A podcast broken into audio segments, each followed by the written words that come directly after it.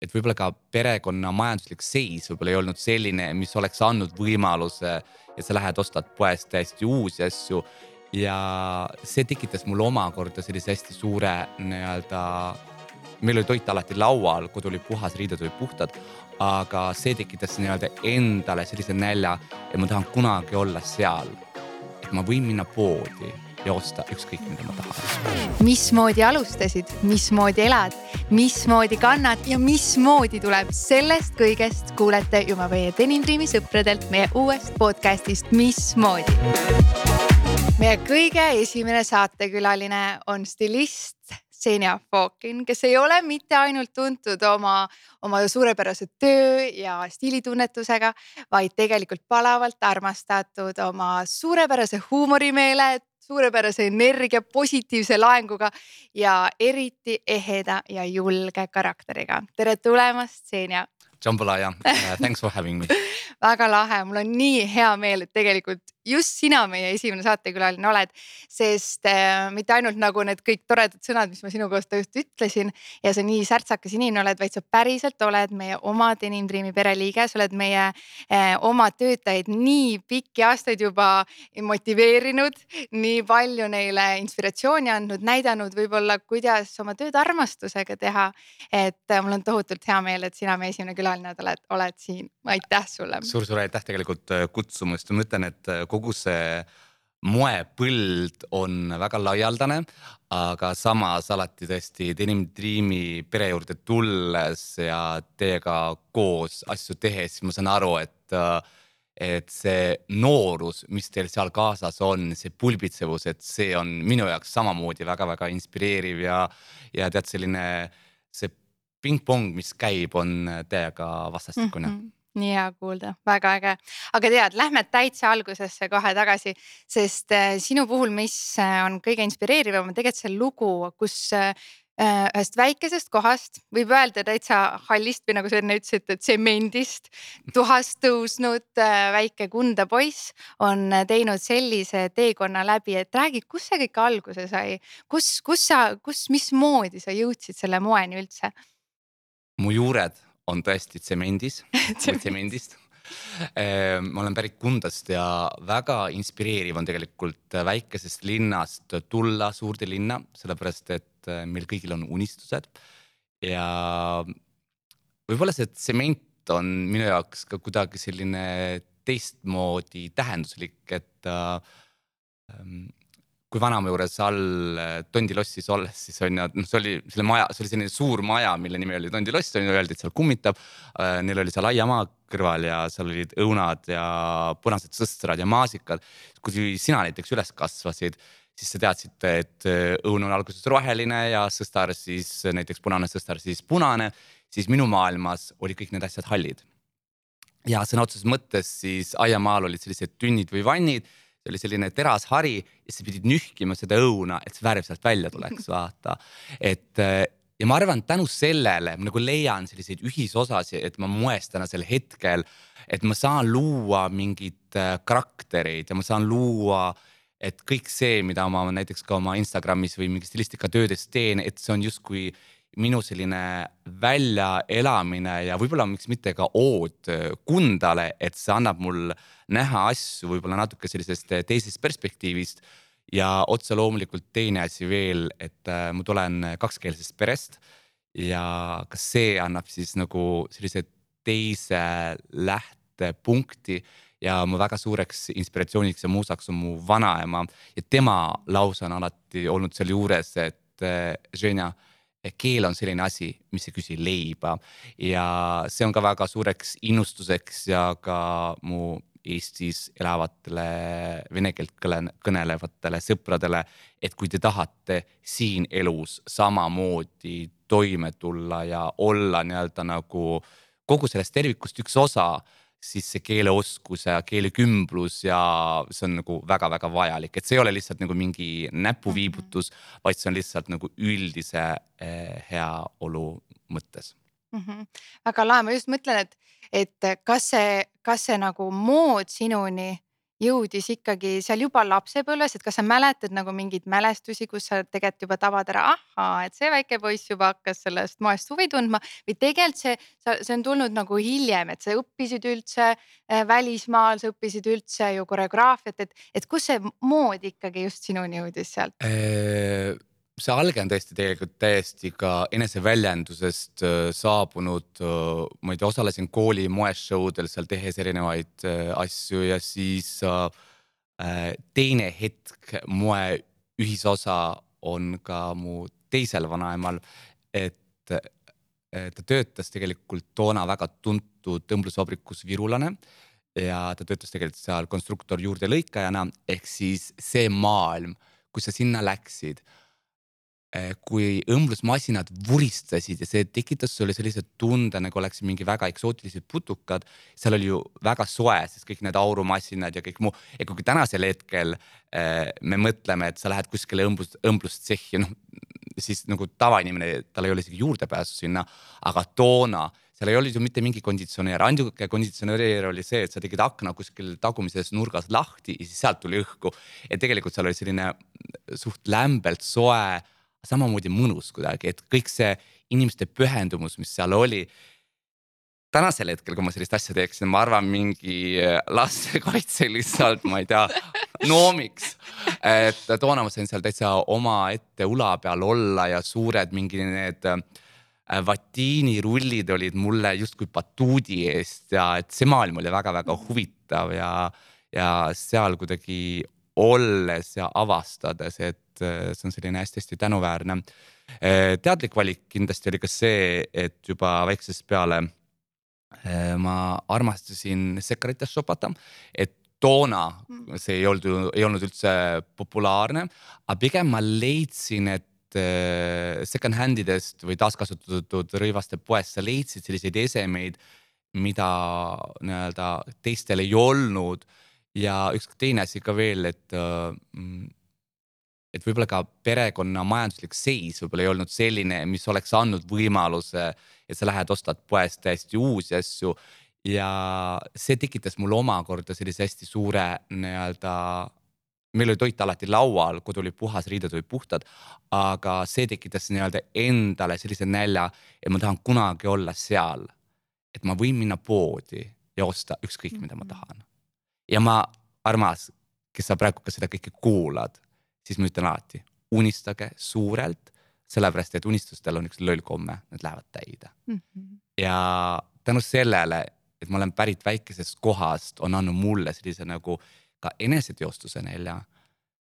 et ma mõtlen, et võib-olla kui ma oleks äh, kohe sündinud Tallinnas ja elu oleks teistmoodi läinud, et ma ei tea, kus ma omadega -hmm. siis oleksin olnud.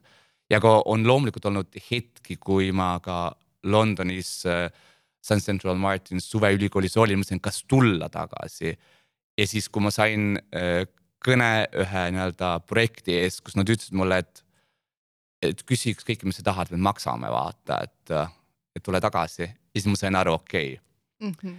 ja too nii-öelda mu sõber Liina Stein ütles väga toredasti ühe lause, Ženja, küsi nii palju, et sul hakkaks endal häbi mm. -hmm. küsisin kas see oligi siis juba stiilipäevik või mis hetkel see stiilipäevik siia nüüd vahele tuli? see stiilipäevikuga on tegelikult ka see, et äh, ma tulin ühe teise, äh, ühe projekti jaoks tagasi ja stiilipäevik sai alguse hoopis ühest noorte projektist tegelikult, kus äh, toona me üürisime koos Liina Steiniga siis Karl Puurmani stuudiot. see on selline kahesaja ruutmeetrine tore, mis oli meil kodu slaš töökoht koos ja ülikoolis, äh, ülikooli lõpetamise järel tegelikult hästi selline mõnus kunstiringkond. Äh, ma väga soovitan leida üles need inimesed, kes aitavad sul tiibu sirutada. sest et teinekord ka vaata, kui sa räägid kellelegi miskit, sa ju tead seda, aa no ma ei tea, kas see ja mu, siis ma olen tõesti väga tänulik selle eest, et mul oli see ümber, see seltskond, neid inimesi ei ole palju. sellepärast, et äh, miskond on halvasti, siis see just, see on alati see parim aeg, kus sa näed ära, kes on nagu päriselt alles, kes on päriselt su kõrval. sellepärast, et kui kõik on hästi, siis seda joviaalset hetke, sa neid inimesi leiad endaga jagamast äh, palju rohkem, sest et inimesed tahavad saada sellisest rõõmust ja aplausist osa. aga kui miskit on pekkis, vaata, või kui miskit on vussis, siis et kellega sa seda oma muret jagad või ütleme, kes on su see toetav osa teekonnal ja mul on tõesti nende inimeste, te teate, kes te olete, et äh, nende eest väga-väga tänulik ja toona seda noorteprojekti filmides, siis äh, äh, stiliseerisime seal linnast endiselt tegi kusjuures see on ka jälle riietega seotud ja stiliseeris ümber siis Pepe Jeansi kollektsiooni äh,. Vanad mingid laojäägid ja tegi nendest ümber print äh,, siit prindi sinna peale ja ala, meeste teksadest said ägedad naiste jakid ja nii edasi, on ju. kellel on need olemas, ma ütlen, müüte veel kunagi kalli raha eest maha ja siis äh, ma ütlesin sellise lause selle stilistika juures seal, et a la, et selle komplekti juurde ma paneksin need pleksist välja lõigatud äh, Kamasutra poosidega kõrvarõngad, on ju mm, -hmm. aga ma ütlesin seda nagu mul ei ole seda sissejuhatuse osa, vaata, ma ütlesin seda suht otse, et ja selle komplekti juurde me paneme need kepipoosidega kõrvarõngad. siis kogu tiim oli nagu appi, mida ta ütles, vaata. Nad ei saa sinna seda biipi ka juurde panna, vaid see läkski otse-eetrisse nagu oli vaja minna ja kaks päeva hiljem ma sain produktsioonifirmalt filmimees kõne, et äh, kas ma oleksin huvitatud sellisest projektist äh,. see oli äkki mingi laupäeval hommikune mingi naistesaade, mis tavaliselt oli selliseks tapeediks kuskil juures. et kas ma tuleksin tegema siis green screen proovi siis ma olin mingi nii mega excited ja mõtlesin, appi ma ei ole seda kunagi ju teinud, ma ei ole seda õppinud ju vaata ja nii edasi ja nii edasi. ja siis kõik edasi on juba ajalugu mhm. ja, ja need momendid, et tegelikult me alustasime ju Krista Lensiniga ja ka mhm. see, kui nagu toetav ja siiras ja südamlik ta oli, et ma olen talle selle eest ka väga-väga tänulik, sest et ma olin toona selles mõttes ikkagi täiesti titt on ju. ja, ja inimesi riidesse pannes, et poodi minnes, et äh, mul üks selline teine oskus äh, ma unustasin kaamera üldse ära, et kui ma olin seal, siis me olime seal nii-öelda nagu kliendiga täiesti ainult kahekesi vaata. ja oli häid aegu, oli ka mitte neid häid aegu. Aga ma hindan neid, sellepärast et tänu sellele ma õppisin tundma inimese keha ma saan aru, kuidas mingid asjad toimivad, kes, mille, mis toode kellelegi läheb. põhimõtteliselt, kui ma vaatan inimesele otsa, ma juba saan eos aru, et millisena ma seda näen, teda näen ja ma arvan, see on mulle tänases hetkes väga-väga suureks plussiks. et mul on nii suur aastate kogemus ja me peame ka ära mainima, et äh, stiilipäevik muutus ju laupäevast, laupäeva hommikusest tapeedist, mida vaatas -hmm. seal mingi äh, äh, ma ei tea, mis need näitajad toona olid seal kuskil mingi paar tuhat vaatajat ja me tõusime seal ala, ma ei tea, paarikümne tuhandeni ja neljapäeva prime time'i ajaks mm, -hmm. et äh, mul on kohati vahest piinlik ka nendel hetkedel, kui inimesed ütlevad, et Ženia, et ma olen sinuga üles kasvanud, vaata, et või sinu saateid siis vaadates ja, ja siis ma saan aru, joo et sa oled vana. nagu ma ise sulle ütlesin, et ma vist olen täpselt samamoodi sinuga üles kasvanud, aga tegelikult äh, Äh, sinu puhul vist ongi, noh, sa tulid, sa lõid pahviks ja kõik rääkisid sellest, aga, aga see sinu julgus ja särts, et, et võttagi nüüd täiesti uhi uue, uue inimesena vastu selline teleprojekt. nagu sa ütlesid, sa täitsa unustasid ära, et tegelikult need kaamerad on, kas see kas see julgus ja selline, selline energia, see on sinus alati olnud või, või see on kuidagi ajas kasvanud või on see sinu armsate vanaemade mõjutatud või, või kust see tuleb, et, et paljud inimesed unistaksid ja on kindlasti loobunud paljudest võimalustest täpselt selle julguse tõttu, on ju. et seda, seda hirmu, hirmu me kanname kõik, et kas see on sinus alati olnud? Äh, ma arvan, pigem mul on olemas selline alge, milleks on nagu uudishimu mm.. et kui sa hoiad selle nii-öelda nagu selle õpipoisiliku uudishimu endal alles, et siis see on nagu väga tore. ja ma korraks äh, põrgatan siia tagasi selle stiilipäevika aegadesse, et mingi hetk sellest nimest ju muudeti ka mu oma nimi tuli sellele saatele juurde. ja siis, kui ma olin kuskil, ma ei tea, Rokas või Kristiines mingi lihtsalt keskuses äh, tegemas mingi stilistikaprojekte ja siis inimesed tulevad vastu ja sosistavad mu nime, vaata Shane Falkin see on nagu, et ma saan aru, et lapsed ütlevad seda mm, -hmm. aga nagu täiskasvanud inimesed, siis mul korraks hakkas endal katus sõitma, issand, kas ma kuulen hääli, vaata või nagu, et mul hakkas endal imelik. aga äh, ma olen tegelikult nagu väga-väga tänulik selle eest, et see kogu see jada ja see teekond olnud väga-väga inspireeriv ja võib-olla kogu selle stiilipäeviku ajast veel, kuidas inimesi riietades et jah, ma ei tea, näiteks mul ongi seal naisterahvas suuruses, ma ei tea, kaks XL viie lapse ema ja meeskond mu käest küsib, et Ženja, kas tal on vaja seda pitskleiti vaata mm. -hmm. ja siis mul on täpselt see hetk, jah, tal on, tal on seda vaja lihtsalt kasvõi selleks hetkeks, et ennekõike et isegi kui ta on seal abikaasa ja otse loomulikult esmajärjekorras ka ema, siis kõige primaarsemana ta on kõigepealt naine, vaata mm. -hmm. ja vot, kui sa annad inimesele selle tunde, mida sa riietes, riietusest või riietest üldse saad, et see on see äge ja ma arvan ka Denim Dreami enda nii-öelda kogu äh, meie suurepärane teenindussektoris olev äh, inim-, inimeste mass, nad saavad ka sellest väga hästi aru, et kui sa pakud inimesele seda miskit uue riietuse näol, see tunne, mida sa sellest saad uh,. see mhm. tänulikkus, see rõõm, see sära silmades, et uh, see on lihtsalt hästi aplausi väärt seda on nii äge kuulda, kuidas sa tegelikult, mis kirega sa räägid sellest oma tööst ja, ja, et noh, kõrvaltnäha võibki nagu tunduda, et noh, seinatöö on justkui unistuste elu, elab seda glamuuri ja tead, käib päevad läbi, shoppab ja kulutab teiste raha, on ju ja, ja käib muudkui mööda poode. aga mis, mis, mis need rollid seal tegelikult veel juures on, sa oled vabakutseline, sa teed väga palju erinevaid projekte ja, ja, ja see kõik ei ole ainult see, mis meile pealtnäha justkui tundub, et mis rolle sa tegelikult selle kõige töö juures veel kannad? lisaks sellele, kus sa saad seda naist esile tuua äh,. aitäh sulle selle küsimuse eest, siin on tegelikult ka see moment, et tõesti see, mis välja paistab äh,, ma tahaks öelda, et see on kakskümmend protsenti, tegelikult see on mm -hmm. kindlasti veel vähem. ja seal sees on pigem ka see süüvimine inimese enda isiksusse, mul on olemas sellised nii-öelda nagu personaalstilistika küsimused, mida ma küsin, palun enne vastata, ennem kui inimesega kokku saame mm -hmm. ja siis ma saan kaevata ja kaevuda isiksusse endasse, mulle väga pakub pinget tegelikult äh, neuroloogia, psühholoogia mm. ja kõik see, kogu neuroteadus on nagu nii huvitav, et kui lõpuks sa saad aru, et me oleme just inimesed täna äh, nagu arvutid või robotid, et tegelikult me toimime mingit viisi, vaata. et kui sa saad nendest aspektidest aru, siis sa saad nii-öelda minna sinna äh, rohujuure tasandile ja siis sealt äh, kaevub välja väga selliseid nagu erinevaid hetki ja nurgalisi momente aga mul on rõõm, et ma saan inimest riietada nõndaviisi, et ma võtan teda täitsa puhta lehena. ma ei tea, mis mhm. on su hirmud, ma ei tea, milliseid mustreid sa kardad või ma ei tea, näiteks ühe kliendi puhul, kellel on kolmsada alluvat, siis ta riidekabiinis mulle mingi pooleteist tunni järel, ma saan aru, et ta tõmbab kogu aeg nagu riided allapoole, siis selgus tõsiasi, et tal on kunagi vanatädi öelnud mingi lause, et et vaata, et sa kellelegi kunagi oma põlvi, põlvi ei näita, et umbes alati kõik oleks kaetud. Siis ma ütlesin, tead, et on mingi just sündmus tulemas ja kuule, et jah, et vanatädil on varsti juubel tulemas, ma panin ta lihtsalt üle põlvest saapad, nii mikromini-kleidi, et see oli natuke ohtlik, et linnaluba saada, vaata.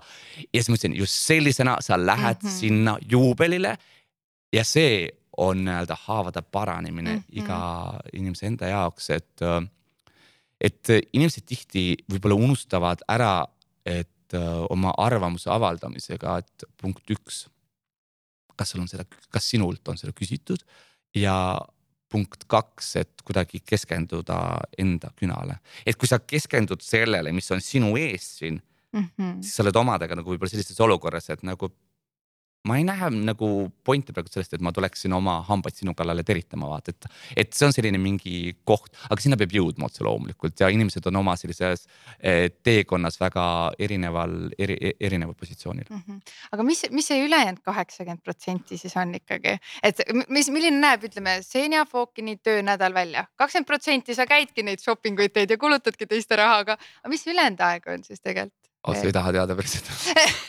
päriselt tahad ma olen, ma olen praegu, ma olen praegu siin, mul on telefon on airplane moodi peal. Eh, mul on lihtsalt see, et uh, mul on nagu nii halb inimene mingi sellises Exceli tabelites ja asjades ja teinekord uh, mul on mingi postkastis üle viiesaja kirja mm.. siis kõik tahavad midagi, siis mind on ainult üks vaata mm. -hmm. ja et siin omad inimesed ka teavad kui kätte tahavad saada, siis helistage palun onju on kiiremini, aga Äh, mu muud osad tegelikult on veel, et uh, mu Instagram on suhteliselt nagu minu selline eneseväljendus või kunstigalerii mm, -hmm. ma elan seal sõna otseses mõttes ennast välja. ja lisaks siis uh, sellistele turunduskoostöödele, tegelikult mu päris töö ongi ikkagi see personaalne stilistika mm. -hmm. lisaks sellele tegelikult teen ka selliseid ütleme müügikoolitusi, aga seda mm -hmm. siis lähtepunktist, mis on siis hübriid seotud siis moeosaga.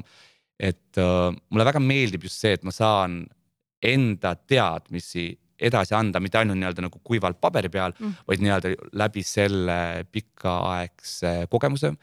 moesüsteemis sees karussellis ma olen olnud äh, professionaalsel tasemel siis kaheksateist aastat, et see on mm. väga pikk aeg mm. ja ma olen nii-öelda ka seda aega väga analüüsinud, et äh, kogu see ajajärk on ka kogu aeg muutuvas suhtes, me peame aru saama, kuidas moesüsteem üldse toimib, et see on nagu karussellina.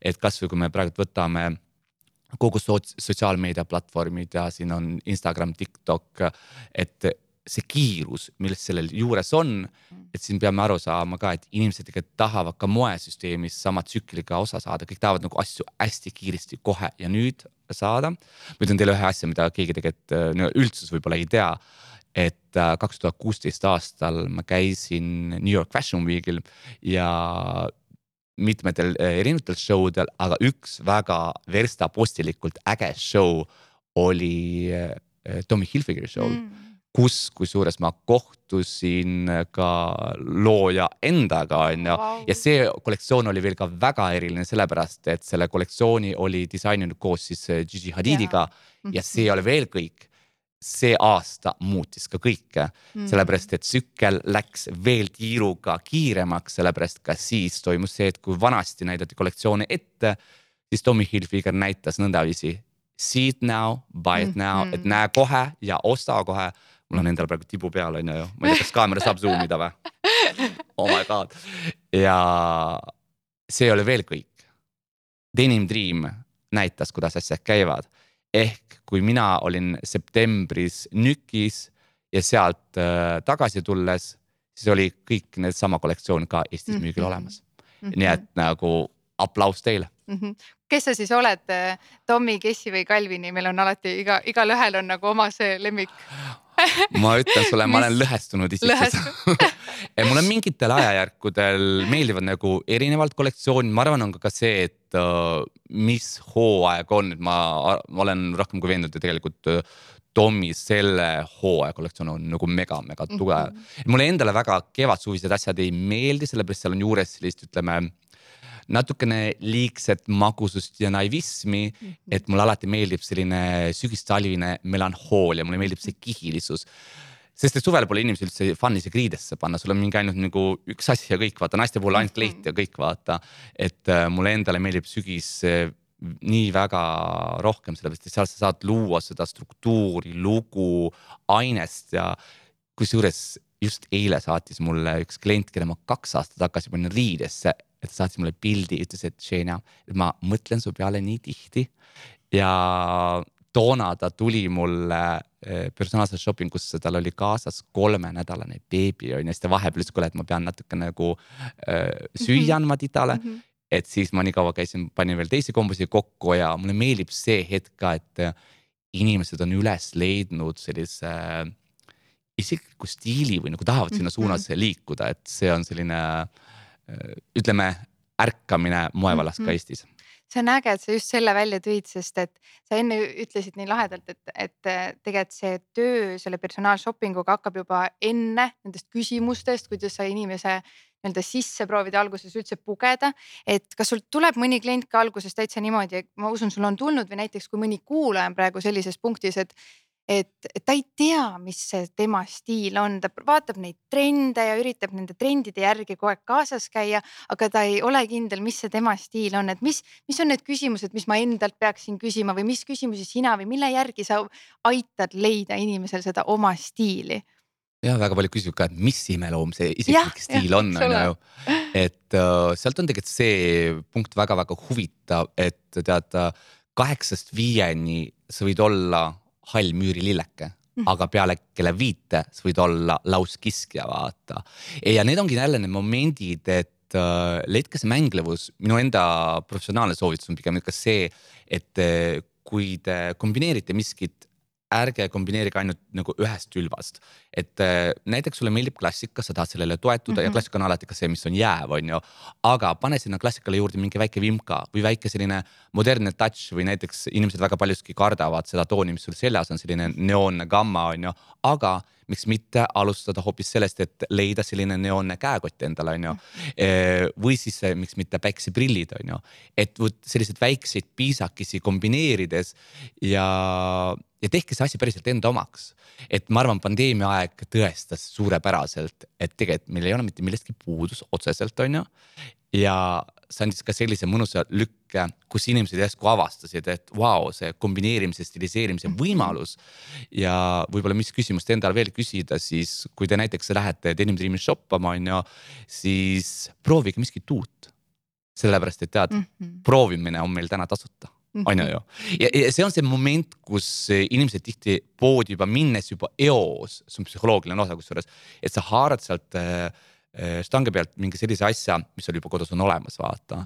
et pigemgi muuta oma sellist, eh, ma ei tea, vaateküngast ja proovidagi, ma ei tea, uusi värve, mustreid, tegumoode või nii-öelda andagi endale mingi selline väike nagu vallatus või vimka sinna juurde mm. -hmm. muideks mul tuleb meelde, sa mainisid seda pandeemia aega ja, ja mida me kõike kombineerime äh,. kui ma tegin sinu kohta taustauuringut äh,, ma kammisin läbi igasuguseid materjale ja artikleid ja siis äh, ilmselt siis täpselt stiilipäeviku kõige esimene artikkel, mis sinust välja tuli, et nüüd on meil uus saatejuht, siis seal oli sihuke huvitav oh, lause seina kohta kirjas, et seinat ei vii endast välja ükski moeröögatus, ent silmi paneb pööritama viigipüks koos sporditossuga eh, ning dressides ja käekotis naine. ehk mis sa nagu mäletad või kuidas, kuidas stiil ja kõik need trendid on ajas nagu nii muutunud, et tänapäeval on see kõik just see, mis just kokku käib, on ju, võiks öelda.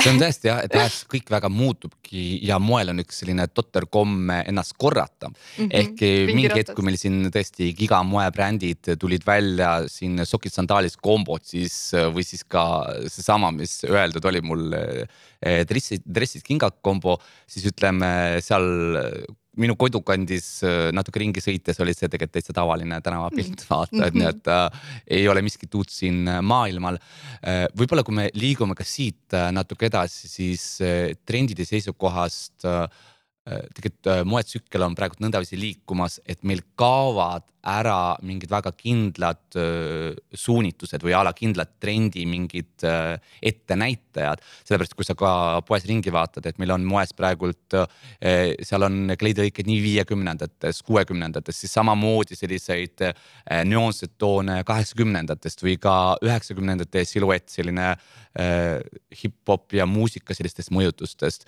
ja otse loomulikult selline päris Hiltonlik varajased nullindad on ju, et see ampluaa jah, sortii on nii suur ja ma ütlen ausalt ära, eriti tavainimese seisukohast, ta läheb sinna poodi, vaatab, issand meie ringi ja siis suhteliselt tahaks nagu appi karjuda, siis selge eest tagasi välja minna, aga samas siin ongi see moment, kus äh, kindlasti äh, tublid äh, Denim Dreami hakkajad saavad oma abikäe ulatada õigeid suunavaid küsimusi küsides ja võib-olla ka sellist väikest entukat anda, et ja julgustavalt, et proovida asju, sellepärast et need tulemused võivad olla ennatlikult ägedad mm. -hmm, väga lahe, sa enne hästi äh, mitu korda tõid välja oma seda kogemust ja juba nagu sa ütlesid, kaheksateist aastat kogemust.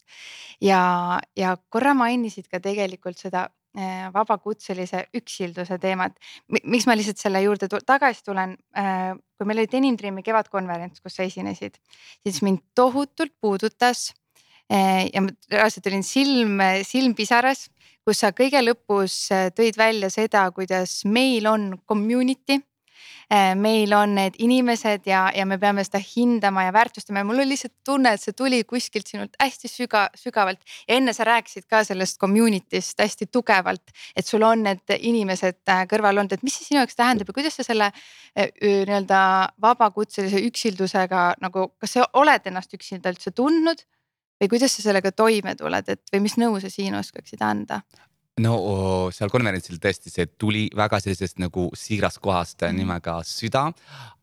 ja võib-olla mõtlen, kui objektil olles ehk siis kaupluses, et kui on teenindajad seal omavahel koos, ma ei tea, et sul ongi mingi umbsõlmedega klient, kes tuleb siis oma probleemidega või mida, et näiteks see, et sa pakud talle mingit asja selga proovida, näiteks mul on ühe kliendi puhul olnud nõnda, et ma pakun talle mingit kleiti proovida ja paneme kombo kokku, on ju, mingile kindlale üritusele oli tal vaja minna. ja siis tal need käsivarred jäid seal nagu kuidagi nagu natuke noh, ei olnud võib-olla nagu täpselt see, mida vaja. ja siis on see hetk, et ma sain selle laviini või selle pahameele osaliseks mm. ise siis ma pean välja astuma sellest, et tegelikult see ei ole minu probleem, ega mina ei ole süüdi, et ta viimati nägi kehalise kasvatuse tundi mingi kooli ajal mitukümmend aastat tagasi, on ju. või siis mingid momendid veel, on ju. ja siis mulle väga meeldib just see, et sellise äh, see süsteem või a la näiteks ka poe keskel, et sul on nagu teised kolleegid veel, kellega sa saad seda võib-olla nõndaviisi nagu mm -hmm. kasvõi professionaalses mõttes jagada, et kas sul on mõni riukalik klient, et siis sa kutsud teise appi, et kuule, et, et tule vaata, on ju äge seljas tal vaata on ju, või nii-öelda küsimus veel juures, et kuule, et aga mis sa soovitaksid siia jalatsiteks juurde. et pigem see on see osa jah, mida ma nii-öelda vabakutselisena pean nagu ise läbi käima ja võib-olla ka mingeid otsuseid tehes, et äh, et sa pead äh, vastutama ise ja sa saad äh, loota ka ainult iseenda peale, mis mõnes mõttes on nagu egoistlikult nagu äge, sest sa saad mm -hmm. kõik otsuseid teha nõndaviisi nagu iseennast nii-öelda sinna kuskile positsioneerides, aga samas on jälle see, et äh, võib-olla vahest on mingeid asju ka tore mingi läbi arutada või nii-öelda ka. et ütleme, jagatud rõõm on suurem rõõm ja siis ka jagatud mure on väiksem mure, et sellise, sellise väikese nihverdusega saaks siin siit vaadata. kui sa korraks küsisid võib-olla ka seda, et äh, mis on see trendide see osa sealt, et siis äh, kui me vaatame maailma nii-öelda lähtepositsioonist, mida näiteks New York meile praegu nii-öelda nagu ette näitab, siis äh, äh, meil tihti on see, et, et mingid trendid, mida inimesed tahavad järgi sitsida, on ju, ma ei tea, kasvõi ka poodi tulles, ma ei tea paha tuju osas on näiteks tal see, et ta tuleb ja elab välja ennast nagu sinu peal. Saad aru, et sa oled, sa oled mul terve kauplus praegu pea peale pööranud, mul on mingi kümme minutit kaupluse sulgemiseni aega vaata, siis mõtled nagu, et okei okay,, et kuidas ma nüüd selles olukorras nagu rõõmsaks jään ja see on võib-olla mul, mul endale õpetanud väga hästi, et, et sa saad äh, alustada nagu igapäeva täiesti selliselt puhtalt lehelt ja õpetanud ka mind tegelikult äh, märk-, märkama ja mitte ainult märkama, aga ka sellist, äh, et sa saad öelda asju välja, et tihtipeale me jätame need kõik nagu kuidagi enda sisse või noh, vot sa, sa tead ju, et sa oled mm. tubli, vaata. ja ma isegi kusjuures, äh, kes te praegu ka kuulate meid, et äh, ma entusiastlikult üleskutsuvalt ütlen teile, et minge kellegi, ma ei tea, kas oma kolleegi juurde, mõne oma lähedase tuttava, elukaaslase juurde, mis iganes, küsige sellist küsimust, et hei, mida sina minus hindad? Ja siis, kui sa saad sealt selle vastuse, et võib-olla see on hoopis vajalik ka teinekord, et ma ei tea, kui te olete seal mingi murdteel vaata või a la eluhetke seis ei ole praegu võib-olla kõige parem või hoopistükkis vajate mingi väikest inspiratsioonilaksu vaata. või miks mitte lihtsalt sellise toreda natukene süüvima äh, minekuga vestluse jaoks, et äh, küsi see küsimus, et hei, mida sina minus hindad, vaata ja sealt võib tulla selliseid väga ootamatuid mm -hmm. asju ja see võib viia sellise väga ilusa teekonnani. aga mida sina endas hindad kõige rohkem või näiteks, kui sa vaatad ka oma tagasi oma kõigele koge-, kogemustele ja saavutustele, et mis on need asjad, mille üle sina tegelikult, et meile tundub, et sa oled nii palju teinud, saavutanud ja võib-olla äh, meie tunneme uhkust hoopis teiste asjade üle, mille üle tegelikult sina isiklikult endas uhkust tunned, et et mida sina hindad siis endas? ma hindan endas äh, töökust kindlasti. et äh, ma olen selles mõttes isegi täitsa, ma ütlen ära selle jah, ma olen täitsa tööhoor ma siin ülemusega rääkisin, et äh, ma sel suvel puhkan esimest korda, ma ei ole seda teinud mingi, ma ei tea. seda sellepärast, et me peame ka aru saama, et tihti mingid projektid, mis tulevad, tegelikult mu töö ei olegi nagu mu töö et see on, ma, ma teeksin seda nagu noh, et see on nagu, see on see kirg ja hobi ühes.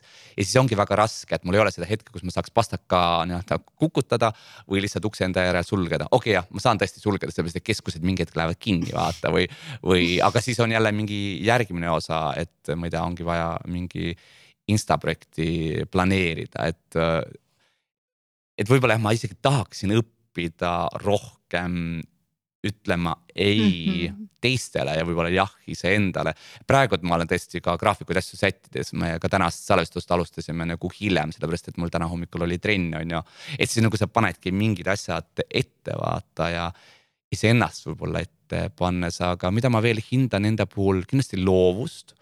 ja mul on üks selline hasartlikult äh, rumal komme, et mulle meeldib olla ketilüli ja ketilülina nõndaviisi, kui sa näed mingit olukorda, et oh kuule, see sobiks sinna või ala, et näiteks ka mingeid projekte tehes, siis ma tihtipeale mõtlen kaasa või soovitan mingit täiust, sest et kui ma, mina olen seal selles osa, siis ma tahan, et see üritus mhm. oleks nagu täitsa, isegi kui me oleme siin Eestis, et ma tean, väga paljud saavad öelda jah, et see on tead siin eh, niimoodi põlve otsas või mis iganes tehtud, siis sorry, ma arvan, et kui ikkagi oma entusiasmi sinna juurde panna korraldust juurde panna ja kõik annavad omapoolse panuse, siis sellest saab sellise mm, -hmm. et jah, mul on endale väga suured äh, nõudmised ja teistele samamoodi, et äh, mingit sellist lati alt läbijooksmist ma ei salli mm. -hmm.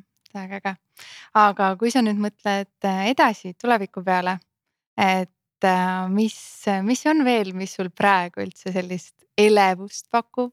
ma ei tea, mõtleme, ma ei tea, lähima viie või kümne aasta peale ja mis sind nagu veel edasi tiivustab, mis on see sinu sealt sihuke sisemine sütik ja. ja võib-olla on sul üldse veel mõni unistus, mis sa tegelikult ei ole, ei ole veel kätte saanud. või on see täpselt see, et, et tegeleda iseendaga, seada ennast esiplaanile, ütelda rohkem ei või on need unistused kuskil, kuskil mujal? Tead, see on hästi huvitav, et inimloomuses on meil selline harukordne oskus vaadata tagasi minevikule, on ju mm -hmm.. tihti ka mõelda, et saad aru, et samaaegselt rügades me kogu aeg mõtleme, millal, mis, millal, millal saaks puhkusele minna, vaata. mida ma võib-olla viimase paari aastaga olen avastanud ja pandeemia oli selleks väga suureks abiks, et hetke olemise võlu. ja mulle meeldib jah mingeid asju planeerida. üks teine asi veel, et kui me tihti oma plaanidest kellelegi teisel, teistele unistustest räägime, siis äh, on kadedust ja kõike muud liiga palju, et mul on tunne pigem juures, et tuleb äh, teha vaata ja siis sellest rääkida, et see on selline tore mõte äkki.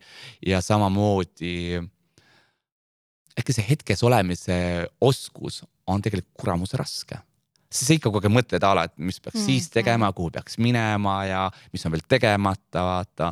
aga lihtsalt nagu see päris hetkes endas ja ma olen veel avastanud, et äh, loodus on lihtsalt nagu mega akude laad ja, ja otse loomulikult ka sport sealjuures, et äh, kuidagi sellise ühise balanssi leidmine, äkki see on kuidagi selline mm -hmm. ilus ja mida ma saan inspiratsiooni väga palju reisimisest, et ma olen praegu käinud äkki mingi pluss viiekümnes riigis, et äh, kindlasti tahaks veel äh, seda kirge võib-olla kuidagi kasutada. Ja ma saan aru, et äh, ära olles mul tekivad mingid mõtted ja uued mingi kontseptsioonid, sellepärast et mu aju lihtsalt toimib nõndaviisi, et kui ma vaatan hetke mingi uue künka pealt, siis ma näen hoopis mm. nagu teist perspektiivi, et ma soovitan seda kõikidele teistele ka proovida. või kasvõi ka mingi probleemses olukorras, et sa saad aru, et, et oi, nüüd no nüüd on sein ees, vaata. et siis kasvõi korraks astuda kaks sammu kõrvale või et näha, et mis see, mis see tervikpilt on, vaata mm. ja mulle väga meeldib see personaalshoppingu osa, mida ma praegult teen ja olen siin väga pikalt nagu täitsa päris tööna teinud, et. et see on selline, ma näen seda tegelikult, see ei ole ainult nagu inimeste riietamise osa, aga ma näen, see on selline. see on nagu kuidagi mingi tervik tegelikult ikkagi. ja mida rohkem ma endasse panustan, kas mingi kursuste näol või, või nii-öelda nagu ka reisimiste näol. et siis seda enam mul on põhjust ja oskust ja võimet ka teisi inspireerida väga lahe kuulda. tead, aga ma arvan, et siit on hea hetk minna meie Denim Dreami äh, küsimuste juurde. Okay.. et meil on sellised äh, kolm küsimust esialgu meie oma Denim Dreami töötajate poolt. Neid küsimusi tuli muidugi rohkem, me pidime kolm tükki välja mm valima. Ja, ja siis on meie oma mismoodi küsimused, et, et vaatame, mis siit, mis siit tuleb ja mis siit üllatab, oled valmis? teeme ära. Nii, kui sa ei tegeleks moega, millega siis? Kui sa ei tegeleks moega? appi, ma arvan, äkki siis ma mingi äh, ma ei tea, tegeleksin loomadega näiteks või kui ma ei tegeleks moega, seda ei ole võimalik, ma tegelen moega sellist varianti ei olegi. mismoodi, mismoodi? väga hea, äh, selline põnev küsimus oli meie töötajalt veel, milline näeb välja sinu rahulik õhtu, kui sa just galale või näiteks Denim Dreami suvepäevadel ei pea ruttama? Oh my god. milline rahulik Senja Fokini õhtu välja näeb? rahulik õhtu. ideaalne õhtu. mis see veel on? Eh, tegelikult äh, rahulik õhtu, ma arvan, on täpselt selline mõnusalt äh, head äh, toitu nautides. ma täpsustan ära, ma ise ei koka, sorry ja et ma pean väga lugu heast toidust ja heast seltskonnast ja miks mitte filmi vaadata või lihtsalt olla, lugeda, mulle räigelt meeldib ka lugeda, et see on selline võime või võimalus kuskile nagu ära minna, et äh, raamatuid lugedes ja erinevad biograafiad ja samamoodi, et nagu väga-väga-väga inspireeriv no vot, Xenia on ikkagi inimene, et näed, et ikkagi, ikkagi tava, tavaliselt ütled täpselt samamoodi, just. Eh, kui sa saaksid ajamasinaga edasi või tagasi rännata mõnda teise moeajastusse, siis kuhu sa rändaksid ja miks, et sa oled väga eh, kursis ja sina peal kõige moe ajalooga ja sind vist väga huvitab see teema, et, et väga põnev oleks teada, mis, milline ajastu just sulle sihuke eriti mm. paeluvaks on. ma arvan, mulle kõige paeluvamaks on äkki kuuekümnendad ja seal on nii-öelda mingi mitu aspekti, et kui maailm oli läbi elanud äh, kaks äh, maailmasõda, siis mood ja kogu see muutus nagu nii raputavalt teistmoodi ja siis äh, peale tulnud põlvkond oli juba täpselt selline, et oli nagu täiesti sõjavastane ja samamoodi siis oli esimene põlvkond tegelikult, kes läksid väga noorelt juba tööle ja tekkis selline teistmoodi iseseisvus ja noortel oli hääl ja nad kasutasid seda oma häält väga nagu valjult. ehk siis tegelikult see on ajaga ajastus, kus ma ei tea, on seal tõesti teksapüksid väga nii-öelda tulnud ja jäänud moepüünele või otse loomulikult ka lihtsalt selline välismaal ringi reisimine ja see üldine vabadus, et ma arvan, see on, mis on hästi paeluv, et selline jah, kuuekümnendad, seitsmekümnendad, et see on selline väga-väga huvitav. Ja see ei ole ainult nii-öelda nagu ka hipiliikumise osa, vaid pigem on ka see, et kuidas muusika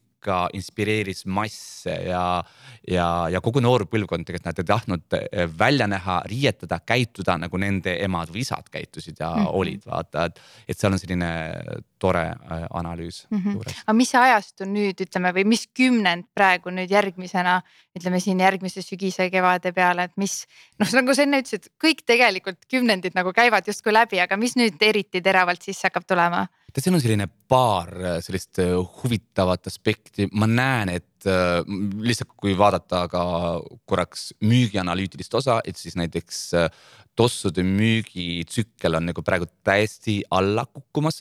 Mm. Ja see tegelikult näitab ka seda, et inimesed äh, praegu juba liiguvad natuke sinna elegantsuse poole mm, -hmm. et ma arvan, see tossu dressi ajastus siin meil ka lockdown'ide ajal oli mm -hmm. kõigile väga nagu meelepärane. aga nüüd tänasel hetkel ikkagi tahad, tahad ennast natukene üles leia mm -hmm. ja ennast kuidagi. aitab sellest on ju. jah, aitab sellest ja siin on tegelikult ka kaks hoovust veel, et Netflix väga paljuski inspireerib meie sellist mm -hmm. üldist äh, moepilti, mis tegelikult ka väikese viivitusega meieni jõuab, et äh, üks hetk on kindlasti see quiet luxury ehk sul on äh, inimesed väga paljud äh, siis investeerivad selle peale, et sul on täiesti nagu asjad on logovabalt, aga sealjuures on selline nagu vaikiv luksus ehk ma ei tea, materjalid on väga-väga head, nad on kestvad ja riietus kui selline investeering siis on ju. ja siis teine hoovus on siis selline noor vana inimene ehk siis see jõuab meieni, ma ütlen teile ausalt, see jõuab meieni kuskil selline pooleteist aasta pärast on ju Eestis siis mm -hmm. ma mhm. mõtlen. ja see on selline, et noored, kes panevad ennast riidesse justkui oleksid noh asjad nagu vanaisa, vanaisa või vanaema garderoobist laenatud mm. -hmm. no väga äge, jääme ootama nii, mismoodi küsimused on ka veel lõpus, et mismoodi sel hooajal trendikas olla, sa juba natuke rääkisid, aga räägime nüüd konkreetselt sellest hooajast, et mis on, ütleme kui kuulaja kuulab, nii kolm sihukest mingit moeset, trendieset, mis, mis peaks iga naise kapis olema, iga mehe, kelle iganes kapis, et olla sel hooajal nagu eriti trendikas kas oskad sihukest, saab üldse välja tuua niimoodi või? kindlasti saab ja ma arvan kindlasti selleks hooajaks, et miskit sellist joviaalset ja värvikat, sellepärast et suvi on ka tegelikult nii-öelda meile seisund. ja värve ei tasu üldse alahinnata, et ka värvidest me saame selle energia sealt ilusti kätte ja, ja mulle väga meeldib ka see, et mehed on tänasel hetkel nagu ka leidnud iseennast, et et vau, et see riietuse osa äh, annab ka rohkem äh, tähelepanu ja ma arvan, see harib sellist üldist kultuurset äh, olukorda ka väga-väga paljuski, et on julgust ja tahetakse värve kanda ja mm, -hmm. ja see on üld, üldplaanis ka ilus. ja võib-olla me oleme ka jõudnud sinna, et kogu selle äh, moe juures ka inimestel on endal huvi olemas, vaata ja kui ka näevad või keegi ütleb hea komplimendi, siis, siis nemad saavad ka omamoodi sellist entusiasmi juurde, et kuule, tead jah et see mhm. tunne, mis sealt läheks liikvele, et äh, sinna suunas liigutakse mm. -hmm, väga hea, mismoodi aga kombineerida ikkagi oma stiili ja nüüd neid konkreetseid näiteks selle hooaja trende äh,? kuidas need arv... kaks asja kokku viia? no ma, ma arvan, seal on lihtsalt see moment, et äh, endal peab alati mugav olema mm. -hmm. ma, ma, ma ei ole nõus, elu on ise nii piisavalt ebamugav, et hakata riietuse arvelt sealt veel ebamugavust juurde tooma. ja teine hetk, et äh, investeerida äkki mingitesse kvaliteetsetesse asjadesse, et see on ka see mis jääb nagu kestvalt ja see on üks hästi lihtne hetk ka, et kuidas vältida emotsionaalset shopping ut äh, on see, et kui sa juba mingit asja proovid, mõtle läbi kolmainsus ehk juba eos mõtle läbi kolm kombinatsiooni, mida sa saad selle esemega teha. et a la erinevaid jalatsid vahetada seal äh,, aksessuaare äh,, üle alaosasid ja kui sa seda seal riietuskabiinis ei suuda enda jaoks läbi mõelda, siis see tihtipeale jääb lihtsalt, see asi jääb seisma. Mm jätan meelde, väga hea. ja kui sa selle läbi mõtled, siis on täpselt see, et sa päriselt hakkad mm -hmm. seda mhm. käitama ja moel on üks selline teine huvitav asi, kui me peame mõtlema, et mood on üldse kõige selline paremini turundatud ärimudel. et see oskus, kuidas tekitada mm. nii-öelda nagu tarbijaskonnas see janu ja see isu, see on fantastiline mm. -hmm. ja kui sa mõtled, iga hooaeg presenteeritakse nagu mingit asja, nagu see oleks mingi issand see on mingi ilmaime või? siis mõtled tegelikult, kui sa nagu päriselt viitsid mõelda, siis päeva lõpuks see asi on mm -hmm. ju mhm. seesama asi, mida sa oled nagu kõik eelnevad oma eluaastad ka näinud mm. -hmm. aga see, see tunne, see oskus ja otse loomulikult me ei saa moodi alahinnata, sellepärast et see õnnehetk, mis me ka sellest saame, on tegelikult kohene mm. -hmm väga äge. minu viimane mismoodi küsimus tegelikult oli, mismoodi toob tulevik, aga sa sellest tulevikust natuke juba jõudsid äh, rääkida. lihtsalt mul on, äh, mul oli tohutult äge näha, kui sa tulid äh, sisse sa võtad oma A4 paberi kaasa, mis on täis kritseldatud. Eh, sa oled niimoodi ette valmistunud ja ma jätaks selle viimase küsimuse sulle lahtiseks.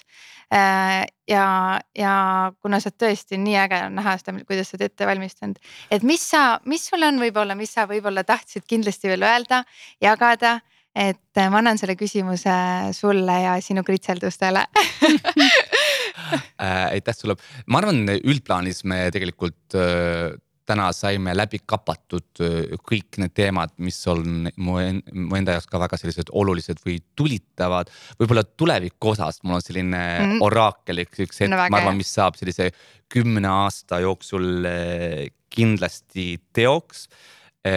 DDG, pange kõrva taha ehk siis Denim Dream on olnud alati väga uuenduslik ja uus alaliik siis DDG ehk Denim Dream Green. et ma olen rohkem kui kindel, et kümne aasta jooksul juhtub see, et Denim Dreamil saab olema ka kindlasti oma selline, kas siis second-hand vintage stiilis mm. pood sellepärast, et ma arvan, kogu see eh, maailm liigub sinna suunas, et me saaksime seda tsüklit kuidagi lõpetada, meil ei ole kellelgi mitte millestki puudust ja äh, võib-olla ka see hetk, et kellegi vana on kindlasti kellegi uus ja, ja võib-olla mõeldes ka selle, et see ei ole ainult nagu rohepesuna mm, -hmm. aga mhm. mõeldes ka see, et, et, teades, et kes on meie riided teinud, et äh, mina oma ostuvalikutega ei ole kellelgi nii-öelda õnneliku lapsepõlve ära võtnud, ma arvan, see on ka jälle see mhm. point. ja kui inimesed väga tihti pööravad suuna või siis ka sõrme või pilgud brändide suunas. See brändid peavad midagi tegema, et kogu seda moesüsteemi aeglustuma, aeglustada, aga tegelikult me peame ühiskonnana seda muutma, sellepärast et kui ei ole nõudlust, siis ei oleks ka mhm. tootlust mm -hmm. vaata, et siin peab nagu sellest äh, aspektist ka väga hästi aru saama. aga üldplaanis ma arvan, on see, et eestlastena me oleme jõudnud sinna, et äh, me tuleme ju mingi nõukaurkast vaata ja siis see trauma on veel nagu väga paljuski nagu kanda kinnitanud, me ei ole sellest maha ennast mm -hmm. raputanud, vaata, et äh, et võib-olla liikuda ka kuidagi sinna, et äh, keskenduda iseendale ja valikutele ja võib-olla nõndaviisi. Et see riietus olekski selline valikuvabadustega, et, et sa ei peaks äh, muretsema, mida, mida keegi kuskil siristab. või, või, või muretsema, et äkki a la, et äkki see, see on nagu liisa, liiga roosa su jaoks, et las see vanus tõesti olla vaid number passis ja. ja et, et see, et see, et sa saaksid selle moes sellise õnnetunde kätte nagu ma ei tea, lasteaialaps liivakasti mängima minekust, nii et mm -hmm. ma arvan, et äh, see ongi selline, selline mismoodi ilus lõpp ja mm -hmm. uus algus. Väga hästi öeldud, aitäh sulle. Ja tõesti, Sõini, aitäh sulle, et, et sa tulid ja jagasid ja, ja nagu ma ütlesin, mul on mega hea meel, et sina olid meie esimene külaline sest äh, ma, ma ise ka unustasin praegu ära, et siin kõik need kaamerad ja asjad ja. on ja ma tõesti tundsin, et äh, ma sain äh, inspireerida sinu praegustest lugudest, nii et aitäh, et sa oled meie pereliige, aitäh, et sa siia tulid. aitäh, Tõnu Tiinu esimene osa on nüüd purgis ja Tenin Dreami uus podcast, mismoodi ongi sündinud. mine otsi ülesse kindlasti Senja Instagrami konto, jälgi tema tegemisi ja mine jaga oma tagasisidet meie Tenin Dreami Instagrami kontol samuti. otsi üles podcast'i postitus ja kirjuta sinna kommentaaridesse, mis sulle meeldis, mis ei meeldinud, kas meeldis üldse. ja kui sa tahad olla eriti moekas, siis mine külasta meie Tenin Dreami kauplusi ja meie e-poodi. tšau